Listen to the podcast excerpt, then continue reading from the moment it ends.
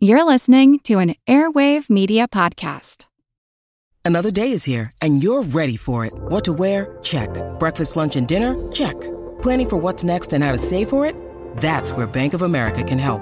For your financial to dos, Bank of America has experts ready to help get you closer to your goals. Get started at one of our local financial centers or 24-7 in our mobile banking app.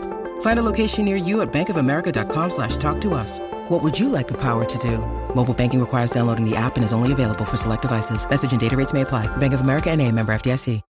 When you need mealtime inspiration, it's worth shopping Kroger, where you'll find over 30,000 mouthwatering choices that excite your inner foodie. And no matter what tasty choice you make, you'll enjoy our everyday low prices, plus extra ways to save, like digital coupons worth over $600 each week. You can also save up to $1 off per gallon at the pump with fuel points. More savings and more inspiring flavors make shopping Kroger worth it every time. Kroger, fresh for everyone. Fuel restrictions apply. This is Kick Ass News. I'm Ben Mathis.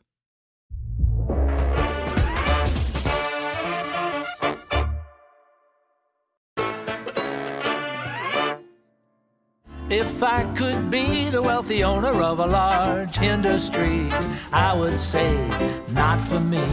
I'd rather lead a band. If I could be a politician with a chance to dictate, I would say, let it wait. I'd rather lead a band. I'm rich as old Croesus, my every care ceases when I've got ten pieces in hand. I could have a million heiress with a whole flock of banks, I would just whisper thanks. I'd rather lead a band, a saxophone, a slide trombone, a bass, fiddle, and a drum.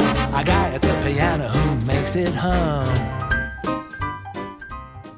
That was the title track from Loudon Wainwright III's new album, I'd Rather Lead a Band, performed with Vince Giordano and the Nighthawks. The tune originated from the classic 1936 Fred Astaire and Ginger Rogers movie Follow the Fleet, with words and music by one of the all time greatest American songwriters, Irving Berlin. Some of you younger listeners might not know that name. In fact, he stopped writing music long before even I was born. But if you've been singing or listening to Happy Holidays or White Christmas this season, then you're well acquainted with the songs of Irving Berlin. Others include God Bless America, There's No Business Like Show Business, Putting on the Ritz, Blue Skies, and Cheek to Cheek, just to name a few. Standards that have stood the test of time and crossed generations. Songs that make a person say they don't write them like they used to. And precisely the kind of songs I like to hear when I ring in the new year. Nothing sets the mood as the clock approaches midnight like dancing to the sounds of a big band playing those old familiar tunes from the Great American Songbook. Sadly, with restaurants closed and gatherings banned, this New Year's Eve will be a little less festive than usual, but you can still set the mood and maybe even cut a rug to the jaunty and romantic tunes of Berlin, Rodgers and Hart, Johnny Mercer, and others with Loudon Wainwright and Vince Giordano's delightful new record. Loudon Wainwright III is a popular Grammy winning folk singer, songwriter, humorist, and occasional actor who's famous for his confessional style and wry wit with songs like Dead Skunk, and for his 24 albums, including his soundtrack for the Judd Apatow movie Knocked Up. Vince Giordano is a saxophonist and leader of the Nighthawks Orchestra, which has faithfully been recreating the sounds of the 1920s and 30s for more than four decades now, in live performances and movies and television shows like The Aviator and Boardwalk Empire. Today, they both join me on the show to talk about their deep affection for the music of the Great American Songbook and some of their favorite recordings from I'd Rather Lead a Band. Loudon recalls fond memories of his father playing these songs on the family record player when he was just a little boy, and Vince remembers the legendary jazz arranger who took him under his wing as a teenager and inspired his lifelong passion for keeping this music alive. Plus, they reveal what they're doing to keep busy now that the pandemic has prevented them from touring and performing, and how they find solace and a few laughs during these troubled times in the hopeful music of the Great Depression and the bawdy lyrics of a rather tragic ukulele player who became the voice of Walt Disney's Jiminy Cricket. Coming up with Loudon Wainwright III and Vince Giordano in just a moment.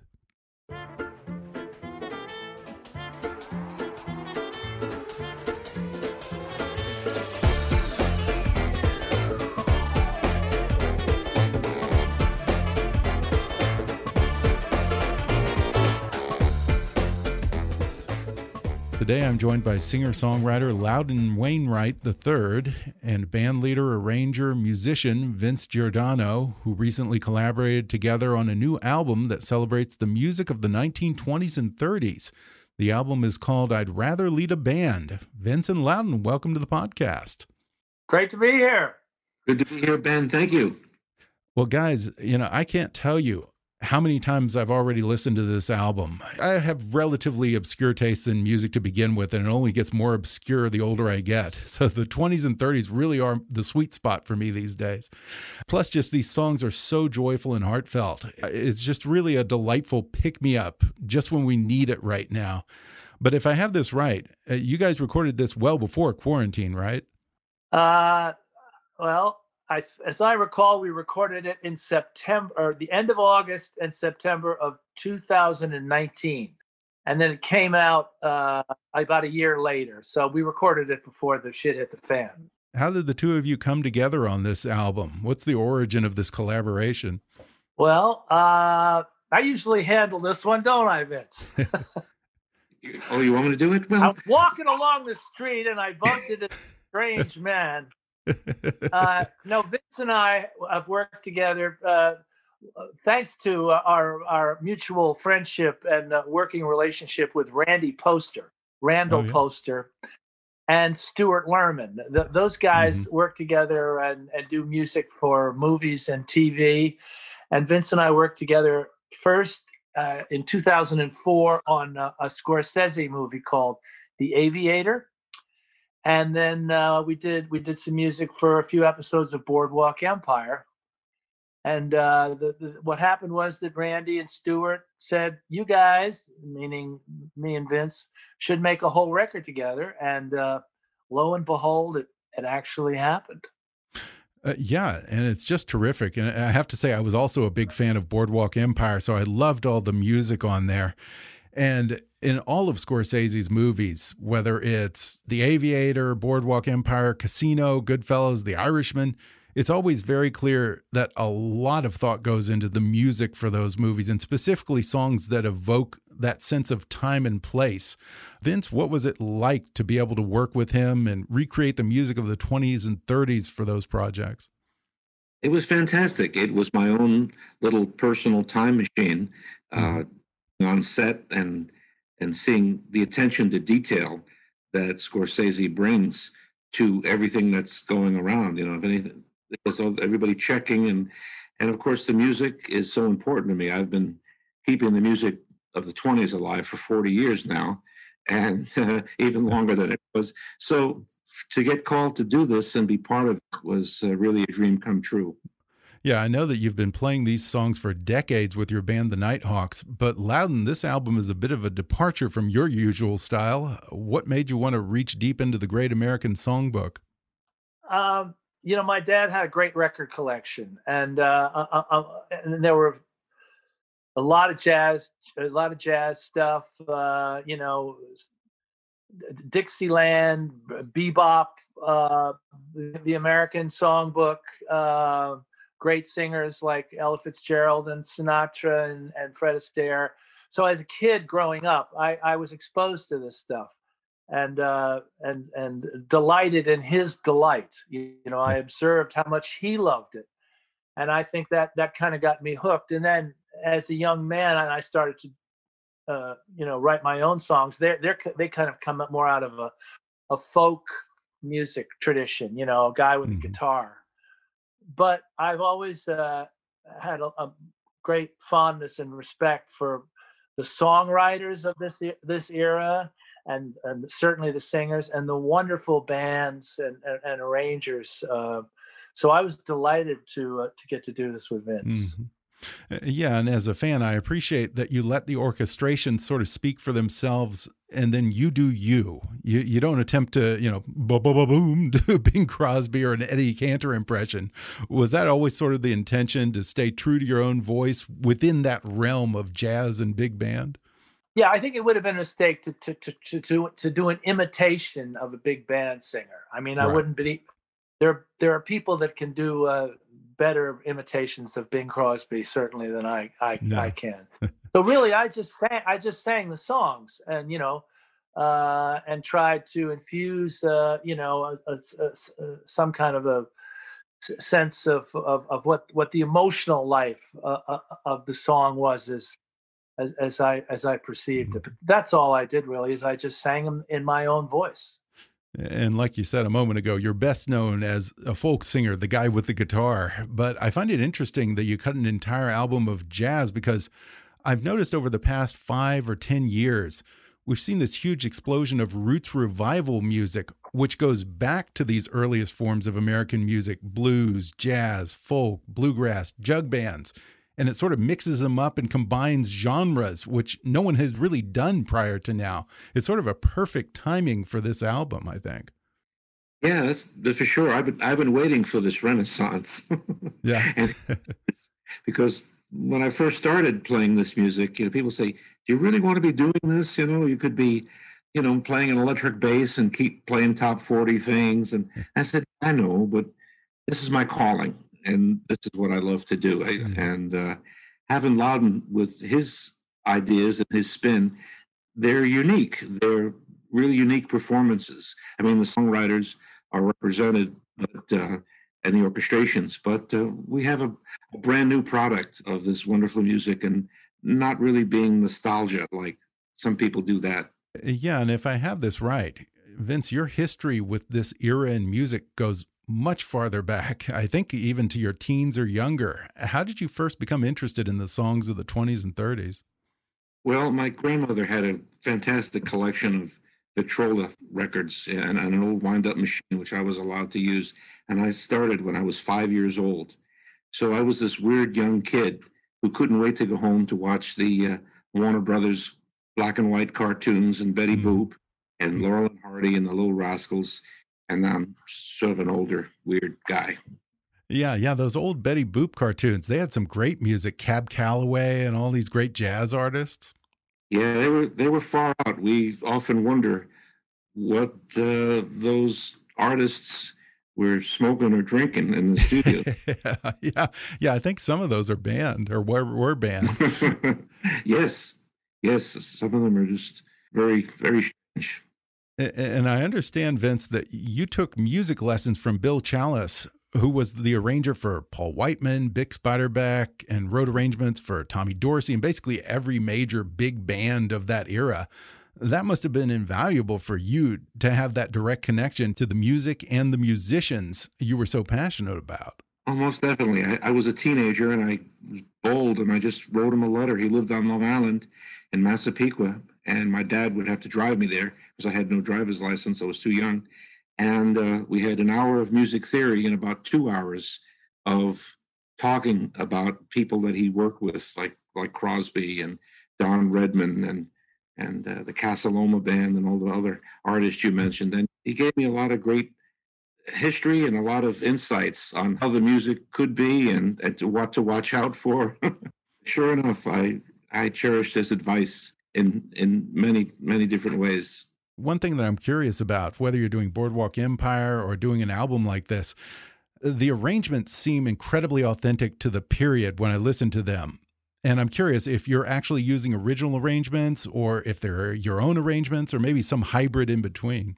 Yes, they are the original arrangements. I have a collection of about 60,000 arrangements that I've accumulated over the past 40 years.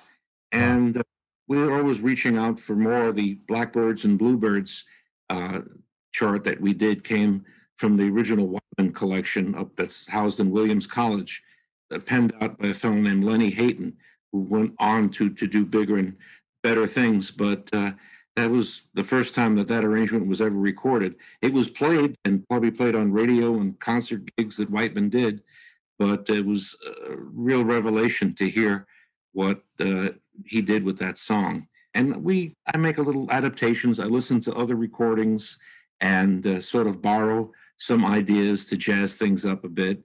Yeah, I love that song. And again, it's called So the Bluebirds and the Blackbirds Got Together. Now let's listen to a bit from that track.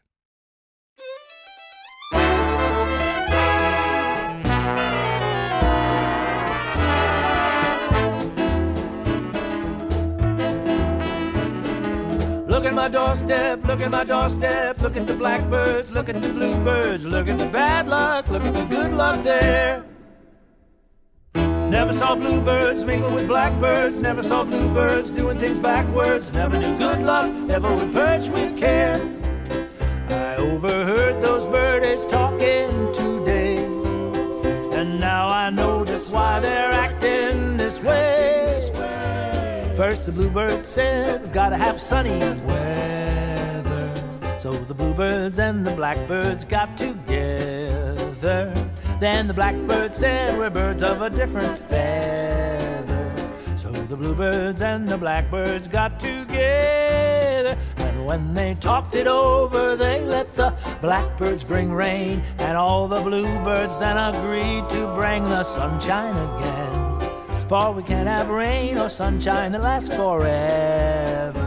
So the bluebirds and the blackbirds got together.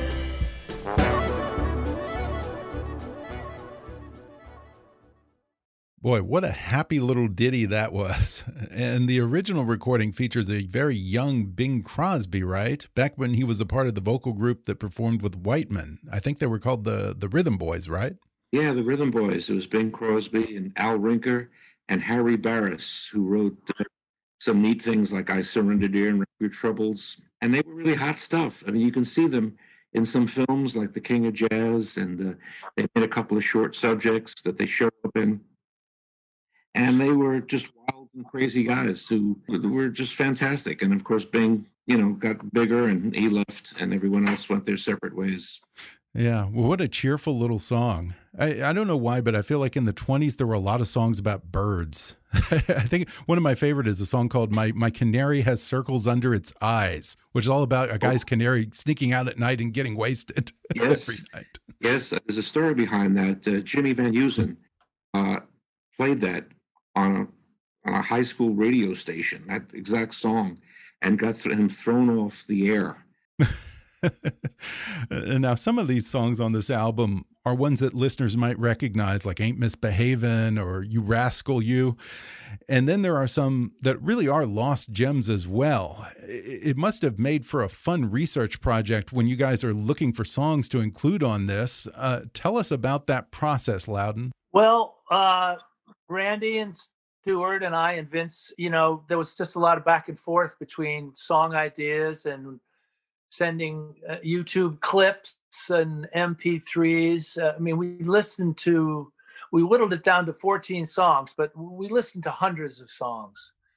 Uh, um, I'm not quite sure how we wound up with the 14. I, I think we cut 16 and, and, and chose 14, but but it was just a you know a kind of question a process of elimination i suppose or, or what what what felt good and that, that's how we did it pretty much yeah loudon these songs they're an interesting contrast to your own compositions because you're famous for your humorous confessional songs that talk about family aging politics etc but the songs on i'd rather lead a band they really speak to fundamental truths, basic needs and emotions, love, heartbreak, joy, desire. You know, it's easy to see why these have stood the test of time. Does it make you want to now go back and try your hand at writing a great American standard? Uh, not, uh, no. I, I, I think, you know, I'm going to continue to do what I do, you know, um, and uh, and that, that that's fine. I mean, the, the songs the songs, you know, but if you mention, you know, family or dysfunction or sadness or or or, or ribald, is that how you pronounce it? Ribald, uh, right. uh, uh, uh, obscene humor. I mean, I have that in in my my my song bag, and you know, "Give It to Mary with Love," which is on this record, is a novelty song that I wish I'd written. You know, and and I like to think that I might might have been able to write that. so I think there are some similarities, uh, and certainly when it came down to choose, you know, for me to make my choices about what I felt comfortable singing, uh, you know, th- they were areas that were in my emotional wheelhouse, mm -hmm. let's say. Yeah, I want to spend a little time on that song. I'm going to give it to Mary with Love. Now, listeners can probably guess at the not so subtle innuendo there, but just in case, let's hear a little bit of it. I'm going to give it to Mary with love. I've got something that she's fondest of. Now I know that she has had it before and Mary's a gal that all the fellas adore. I'm gonna let her take it right in her hand. Cause I know that she'll stroke it so grand. Like Jack and Jill, we'll both get a thrill when I give it to Mary with love. My little kitten, when I give it to Mary with love. I'm gonna give it to Mary with love. She's my sweet, cute turtle dove. How about my loving? She's always been keen. She says when I give it, it's the finest she's seen. She'll think of it long after I'm gone. I'm gonna put it right where it belongs. Like Cleo and Mark, we'll spoon in the park. When I give it to Mary with love, I mean a necklace. When I give it to Mary.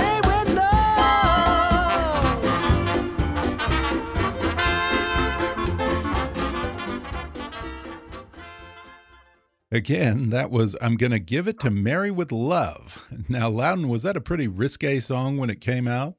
Well, uh, uh Vince has the history of this, and I'm okay. sure he can give a little thumbnail. Yeah.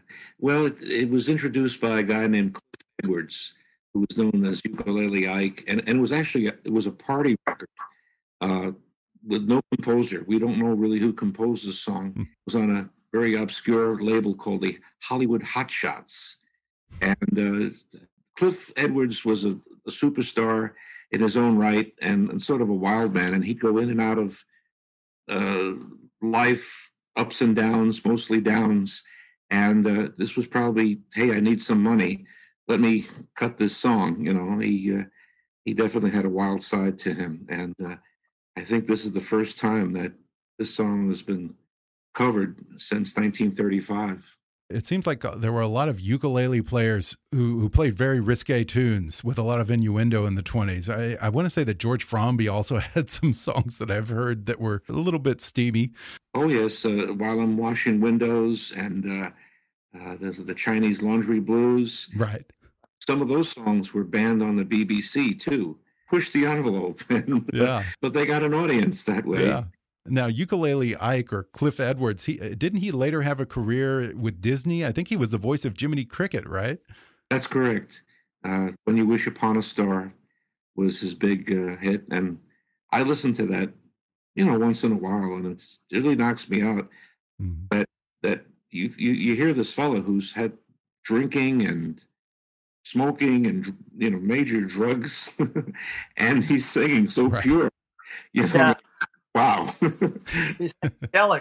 Yeah, the other thing about him is uh, he had a very dramatic, interesting life, and and uh, uh, he was a very good actor. I, just the other night, I was watching the Turner Classic Movie Channel, and uh, his Girl Friday was on, uh, with Rosalind Russell and Cary Grant, and you know a lot of it takes place in in a in a, the press room, a newspaper press room, and there are these kind of hardened, cynical uh, reporters, and Cliff Edwards plays one of them. And uh, as an actor, I, I, think he was incredibly good, uh, and uh, he played a character called Endicott. But I delighted. I couldn't take my eyes off him for the whole movie. I thought it was just a, great to see him act his ass off, really. Yeah, and he had that, like you said, sort of a tragic story. I think didn't he get buried in a pauper's grave, and Disney had to pay for his headstone or something like that?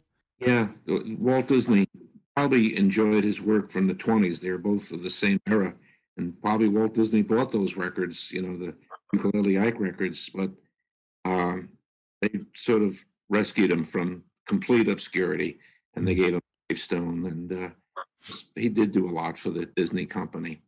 Yeah, I've actually seen that gravestone. It's in a cemetery in Burbank, and yeah, there are a lot of silent stars from the 20s buried there. And me and my wife, for some reason, we're attracted to cemeteries around here in LA because there's always someone interesting buried at every cemetery in LA, and sometimes they'll be obscure. But I, I think that's the first time that I ever heard his name because we are just walking around, and you know, when I see a, a, gravestone that says, you know, Cliff Edwards, aka Ukulele Ike, how can I not go and Google that and find out who that guy was? What's this about? yeah, yeah, yeah. I think the most famous person buried there was actually Oliver Hardy of the Laurel and Hardy shorts. We're going to take a quick break, and then we'll return with more when we come back in just a moment.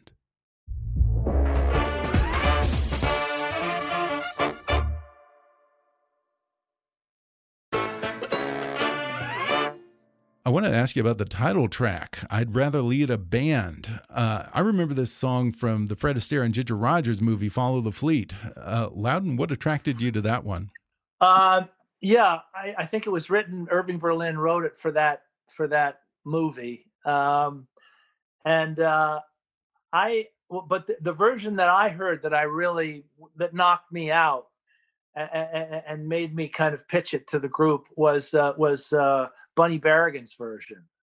Oh, okay. Um, I, I think I think Fred Astaire, as great a singer as he was, and let's not even talk about his abilities as a dancer.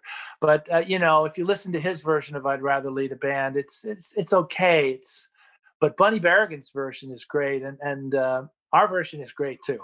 yeah, yeah. Bunny Berrigan's fantastic. Uh, what is the famous song that he did? Uh, I, can't, can't, get, started. started. Right. Yeah. Yeah. That, we, yeah. We, that's a we, we, thought about doing I can't get started, but then. Oh yeah. You know it, it, that that that uh, rendition is is you know timeless and right. you don't you don't want to mess with it, so we we ruled it out. Oh, we're in good company because there was a lot of trumpet players like Louis Armstrong and Harry James that would not touch that song. They would say, mm, "That's that's Bunny Berrigan's. Let's pick another song." right. Right. And once you get to the point where Rod Stewart is recording it, then it's sort of you kind of feel like maybe it's sort of jumped the shark. Just leave yeah. leave the original alone. yeah. Now you rewrote a verse to that song. I'd rather lead a band, which I, I have to say kudos to you, either Loudon or Vince, because it takes some balls to rewrite a lyric by Irving Berlin. But I, I think that the Berlin catalog is now controlled by the Rodgers and Hammerstein company, and they're notoriously protective of their catalog. Is it difficult to convince them to let you change a Berlin lyric? Well, we didn't ask them. We just did it. okay. so uh, you know, uh, if they come after me, uh, that's a, we'll get some publicity out of it. Yeah. Sometimes it's easier to apologize than to ask. Exactly. Just say, "Oh, gee, we, we didn't know." Now, there's another Berlin tune on this album, uh, The Little Things in Life, that was written, I think, in 1930 at the height of the Great Depression.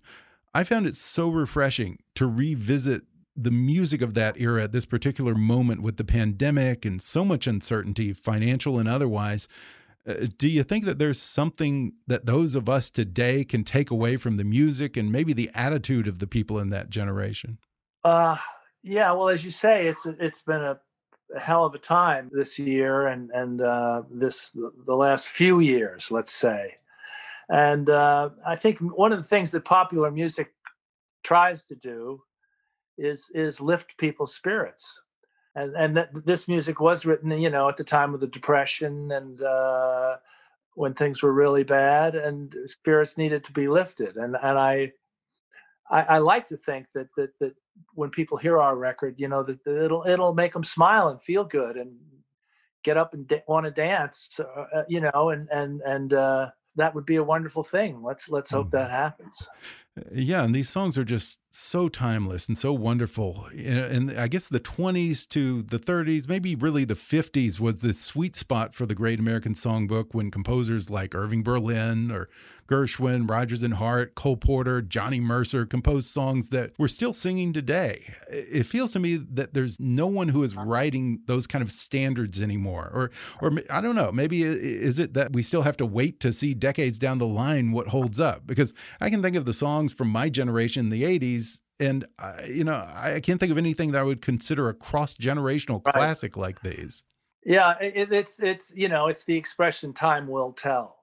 Mm-hmm. I mean, we'll we'll see uh, if uh, I, I I think that the Beatles, you know, at the end of the day, that music will last. It's it's mm-hmm. tuneful and well written and uh, lyrically uh, and and musically and and of course those records are wonderful records so i i i'm not going to be surprised if people are, are listening to the beatles uh, yeah maybe, maybe the rolling stones or loudon oh, wainwright oh, okay. the third maybe bob dylan i don't know but but it is an interesting time now because you know in those days they were writing songs that everyone in the household liked and could agree on as opposed to now or from the 60s on, or really from the 50s on, I guess.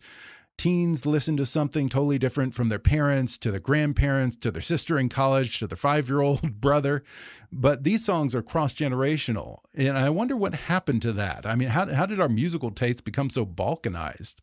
I, I think just the times changed. You know, the music was a reflection of the times and the times reflection of the music. Someone mm -hmm. said I, I don't take credit for that. And I agree.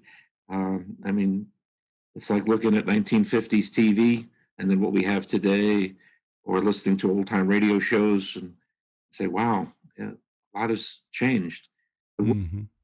Yeah, and, uh, and, all of these songs really do stand up to the test of time. But the song that I found to be the most timeless is a tune called A Perfect Day.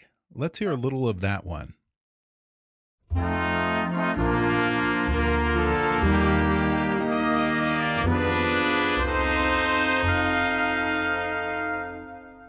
When you come to the end of a perfect day and you sit alone with your thoughts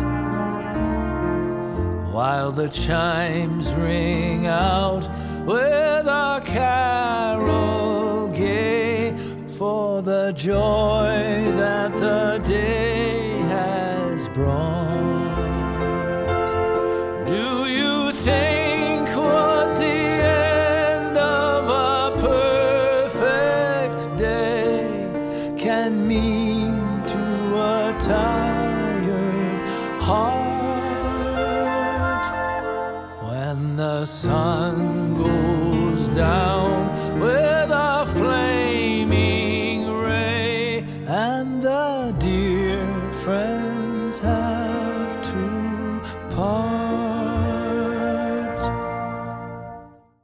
Again, that was Loudon Wainwright III and Vince Giordano and his Nighthawks Orchestra performing A Perfect Day. This is a song that was written in 1910, more than a hundred years ago, and yet the melody is so sweet and the lyrics are so universal.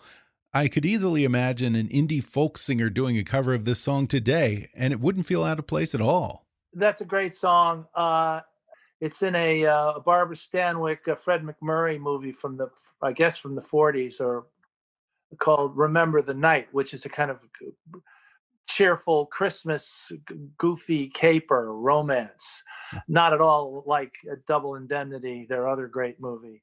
Right. But uh, at at one point, uh, Sterling Holloway, the great character actor, who also did voiceovers for for Walt Disney, uh, sings uh, that uh, Carrie Jacobs Bond wrote the the words to that song. I can't I don't can't recall the name of the guy that it was a it was a hymn really. Is isn't that right, uh, Vince? That it was a hymn?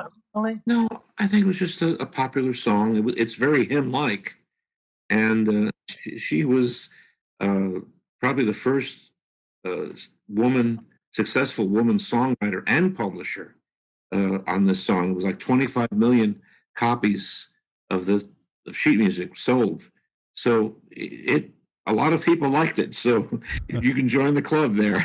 Yeah, and Loudon, you're well known as a singer and a songwriter, but I find it so interesting that most of these songs on this album were written by non performers. And it's hard to think back to a time when a person could just be a composer and still be a household name. Irving Berlin, Rodgers and Hart, Cole Porter, all of these guys were every bit as famous as Frank Sinatra or Bing Crosby or any of the singers who performed their songs. Now, I hate to keep sounding like an old fogey here, but if pressed, I'm not sure that I could name a straight up composer today. Yeah. Well, I'm sure they're out there. I'm sure but, they are, uh, but we don't know their name. and the guys, you know, if you go to the 50s, even the guys who who started out in the Brill Building, you know, later became performers like Neil Sedaka and mm-hmm. and uh, and uh, what's his name, the Diamond guy. What's his name? Neil Diamond. Neil Diamond. I blanked on Neil Diamond's name. You know those guys, and and Carole King, of course. I mean, mm-hmm. they started out as as they, you know, they're they followed in the step, footsteps of some of the people we're talking about, but then they, sure enough, they went out in front of audiences and started to play their songs. Uh, I wonder, what do you think is the best known song that's on this album? One that people, I mean, what you do have Heart and Soul, which everyone knows from you know, piano lessons when they're five years old. But right. which, which one do you think is the most famous song? What do you think, Vince? Well, there's quite a few. Uh, Ain't Misbehaving or My Blue Heaven. I mean, that was a big, yeah, yeah. big, big hit. A lot of people have covered that song over the years. Mm -hmm. And Benny Goodman and Coleman Hawkins and even Fats Domino. It's had a lot of life, and uh, and people like it. I used to play it with Leon Redbone, and uh, people would sing along to it. And and you rascal you, I think that's pretty famous. I I, everyone's done that. It seems like Fats Waller, Cab Calloway, Louis Armstrong, Louis Prima. So yeah, yeah, what a great song. pushing the envelope a little bit there, but uh, right. yeah, but it's good. We need that. We need a little. Yeah. You know, to con contrast the other songs that we have. I'm I'm not in the music business, but I have to assume that you put a lot of thought into the order in which these songs are are laid out on this album. Um, I, th I think we did put a lot of thought into it. I mean, uh, I, I you know, I, I'm I'm an old fashioned guy, and I like the idea of, of someone sitting down or, or, or, getting in their car and putting the putting the CD in if, if they have a CD player in their car, of course. but but uh, you know, sitting down and listening to the whole thing, or actually getting a vinyl record and listening to to half of it, and then getting up and flipping the record. I, I think uh, a, a sequence is important, certainly to me. I know that mm-hmm. young people don't necessarily listen to music that way now, but but that's what I like. I, I like the idea of a kind of sonic journey of, of 50 minutes or however long the record mm-hmm. is. Uh, um, that's a satisfying uh, concept to me. I also feel like I missed out because I listened to this on Spotify. And I have to think if I ah. had the CD or the album, there must be some really great liner notes to this one. There are great liner notes, and I wrote them. oh, you did? Oh man, I did miss out. we'll have to get you that. I'll, I'll send. I'll send. A, I'll send you a, a, a word document of the line notes. Oh, I love it. I I would love that because I love hearing the stories behind these songs and what motivates artists. And now you don't get that, you know, with Spotify, Apple Music, and all these things. They never have digital liner notes, yeah. so we really miss out. We we miss the LPs for that, but this this uh, record did come out on an LP also. So oh, great! And and can stretch out and, and read a lot of stuff that Loudon wrote. It's great. Terrific. See, now I'm I'm a little bit like you, Vince. I, I haven't quite gotten into the the LP thing yet, and collecting records and having a proper record player. But I do have an old gramophone that plays 78s. So, so You'll catch up. You'll catch yeah, up soon. Yeah, one day. you have another great old tune from the big band era on here. It's a Jimmy Van Heusen and Johnny Mercer tune called "I Thought About You." Let's listen to that.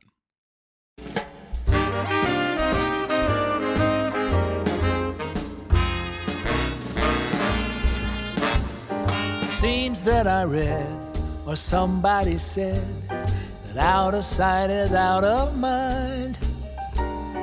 Maybe that's so, but I tried to go and leave you behind. What did I find? I took a trip on the train and I thought about you. I passed a shadowy lane and I thought about you. Two or three cars parked under the stars, a winding stream. Moon shining down on some little town, and with each beam, same old dream.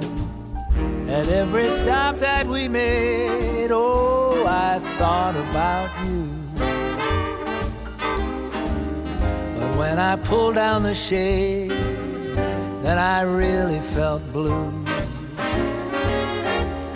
I peeked through the crack and looked at the track, the one going back to you. And what did I do? I thought about you.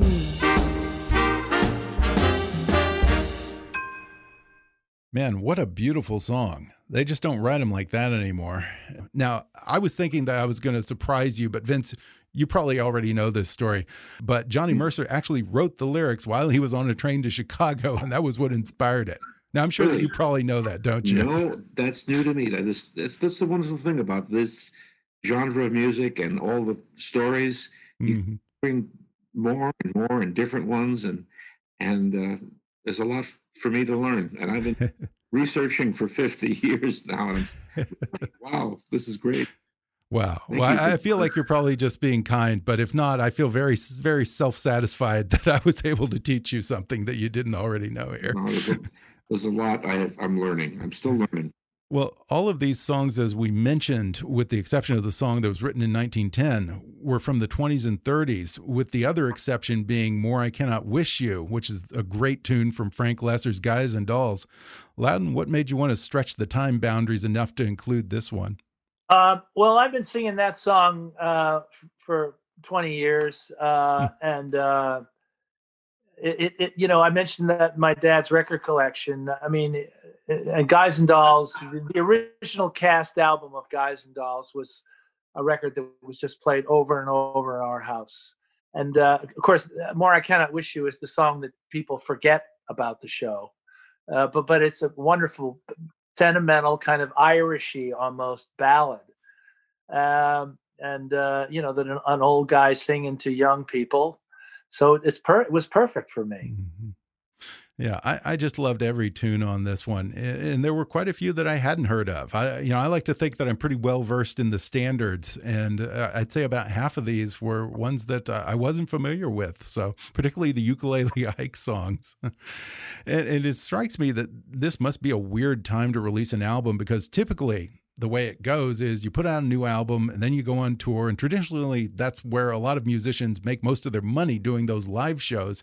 You obviously can't do that right now. Do you guys miss touring and performing for an audience?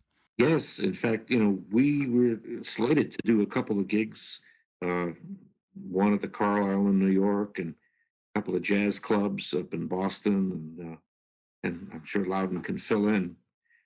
And you know we had them penciled in and get the eraser out, get the eraser out. Hmm. this it's kind of unfortunate, but thanks yeah. to folks like you here talking about it, and people will search it out and either download it or buy it you know, from the company. Yeah. And maybe if things uh, get better, uh, we can we we can get out there and perform the songs live again. You know, Vince in New York has a has a regular gig at a at do you think they're going to have you back at the Iguana, Vince? When well, I hope the, the Iguana survives. You know. Yeah. I've yeah. seen so many different clubs that are, you know, gone, yeah. gone, gone, and but I call them, you know, about every couple of weeks, and they said everything is good, everything is good. So knock on the Iguana will be our, our back our home base, and uh, hopefully we'll have Loudon come up and sing a few with us, and uh, and promote. Yeah, I certainly hope so. Yeah, I yeah. mean, nightclubs they must be having it even harder than restaurants these days. I imagine. Yeah, it's it's bad. I mean, I I earn my living playing in, in little clubs, and uh, I mean, I, have been putting out some virtual shows, you know, of my songs, uh, you know, that I record on my phone, basically, and then send out. But uh, you know, we we not only had we planned to do uh, some gigs, you know, at the Carlyle or wherever we could you know, within striking distance of New York City. Mm-hmm. You know, we I, I, we talked about you know having people dance, you know, having some actual dancers because this yeah. music was written to be danced to. True. And uh, I mean, it's Vince's band is one of the great dance bands uh, around. So uh, yeah. hopefully, people will uh, be cutting a rug uh, sometime soon to this music. Yeah. Yeah, yeah. And as much as I love the Carlyle, what what a great space that is, but there's not a lot of room for dancing in there, I guess. Right. not much of a mm-hmm. dance floor place. Not, not when you put an 11 piece band and Loudon in front of us. It's uh, right. but that's okay, you know. Yeah. As long as people dance in their minds. yeah. Now, Loudon, you're, of course, the patriarch of one of the great musical families. Your children, Rufus and Martha, have their own successful music careers. Uh, I, I don't know how close you, you guys live to each other, but have you seen much of them during the pandemic? Uh, well, we're kind of uh, spread out. Uh, Montre- uh, uh, Martha lives up in Montreal, uh, and Rufus is out in, in, L.A. and I'm I'm I'm on Long Island. So, um, okay. but we you know, speaking of virtual shows, um, uh, there, Rufus and Martha and my daughter Lucy Wainwright Roche, who is also a fabulous musician. The three of them are uh, gonna uh, doing a virtual Christmas show on uh, December twentieth. Oh wow! Uh, and I'm gonna, you know, participate and uh, everybody's doing their things from their various locations. So people should uh, check that out too. How fun. How about you, Vince? Aside from promoting the album, what's keeping you busy during quarantine? Well, I, rifling I, through your collection. yeah, going through my collection and uh, mm -hmm. uh, taking the old scores and I put them in this program called Sibelius, which is like Finale or Cakewalk or these things, and you you're able to hear the whole orchestration. I don't have to have the band there. Huh. Can then adapt it, change keys, put in little hot solos, and uh, you know, still keeping it in the same period. So, I, like, I'll never get through all these charts that I have here. And then I've been outside doing some projects. Uh, just um, I like to try to be handy with things. The main thing, keep busy. That's Definitely. what I try, folks. Keep busy. Find something fun to do and whether it's books. I mean, I, I heard Loudon was was reading books. But tell me the books you were reading, Loudon. I'm on I'm on a I'm on a Charles Dickens jag. Wow. I've read I've read in the last eight months I've read seven seven Charles Dickens books. I'm I'm in the process of finishing up Little Dorrit. Little Dorrit. Okay, that's a deep cut. I, that one I don't yeah, remember. No, that, that, that, guy, that guy was something. That guy was. Yeah, yeah, and he's no small project when you open a Dickens book. Yeah, yeah. yeah. Well, I hope that when we come out of this whole thing, that I'll have a chance to see you guys perform live. That would just be a real treat. Uh, in the meantime, once again, the album is called "I'd Rather Lead a Band."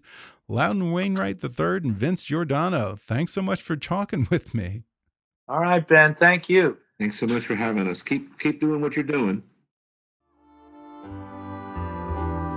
Music I can wish you merry music when you're young and wisdom when your hair is turned to gray. But more I cannot wish you than to wish you find your love your own true love this day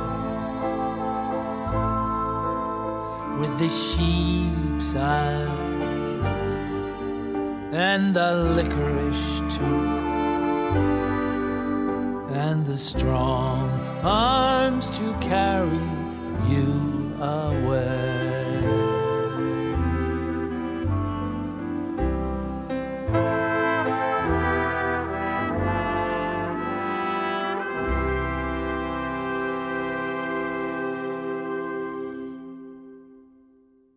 That was More I Cannot Wish You from Loudon Wainwright III and Vince Giordano's wonderful new album called I'd Rather Lead a Band. You can listen to it on iTunes or Spotify or on Amazon, where you can also order it as a CD or LP with those lovely liner notes that we were just talking about. Keep up with Loudon Wainwright at lw3.com and keep up with Vince Giordano at vincegiordano.com. If you enjoyed today's podcast, be sure to subscribe to us on Apple Podcasts and rate and review us while you're there. Five star ratings and detailed reviews are one of the best ways for new listeners to discover the show. You can also follow us on Facebook or on Twitter at, at KickassNewsPod and recommend us to your friends on your social media.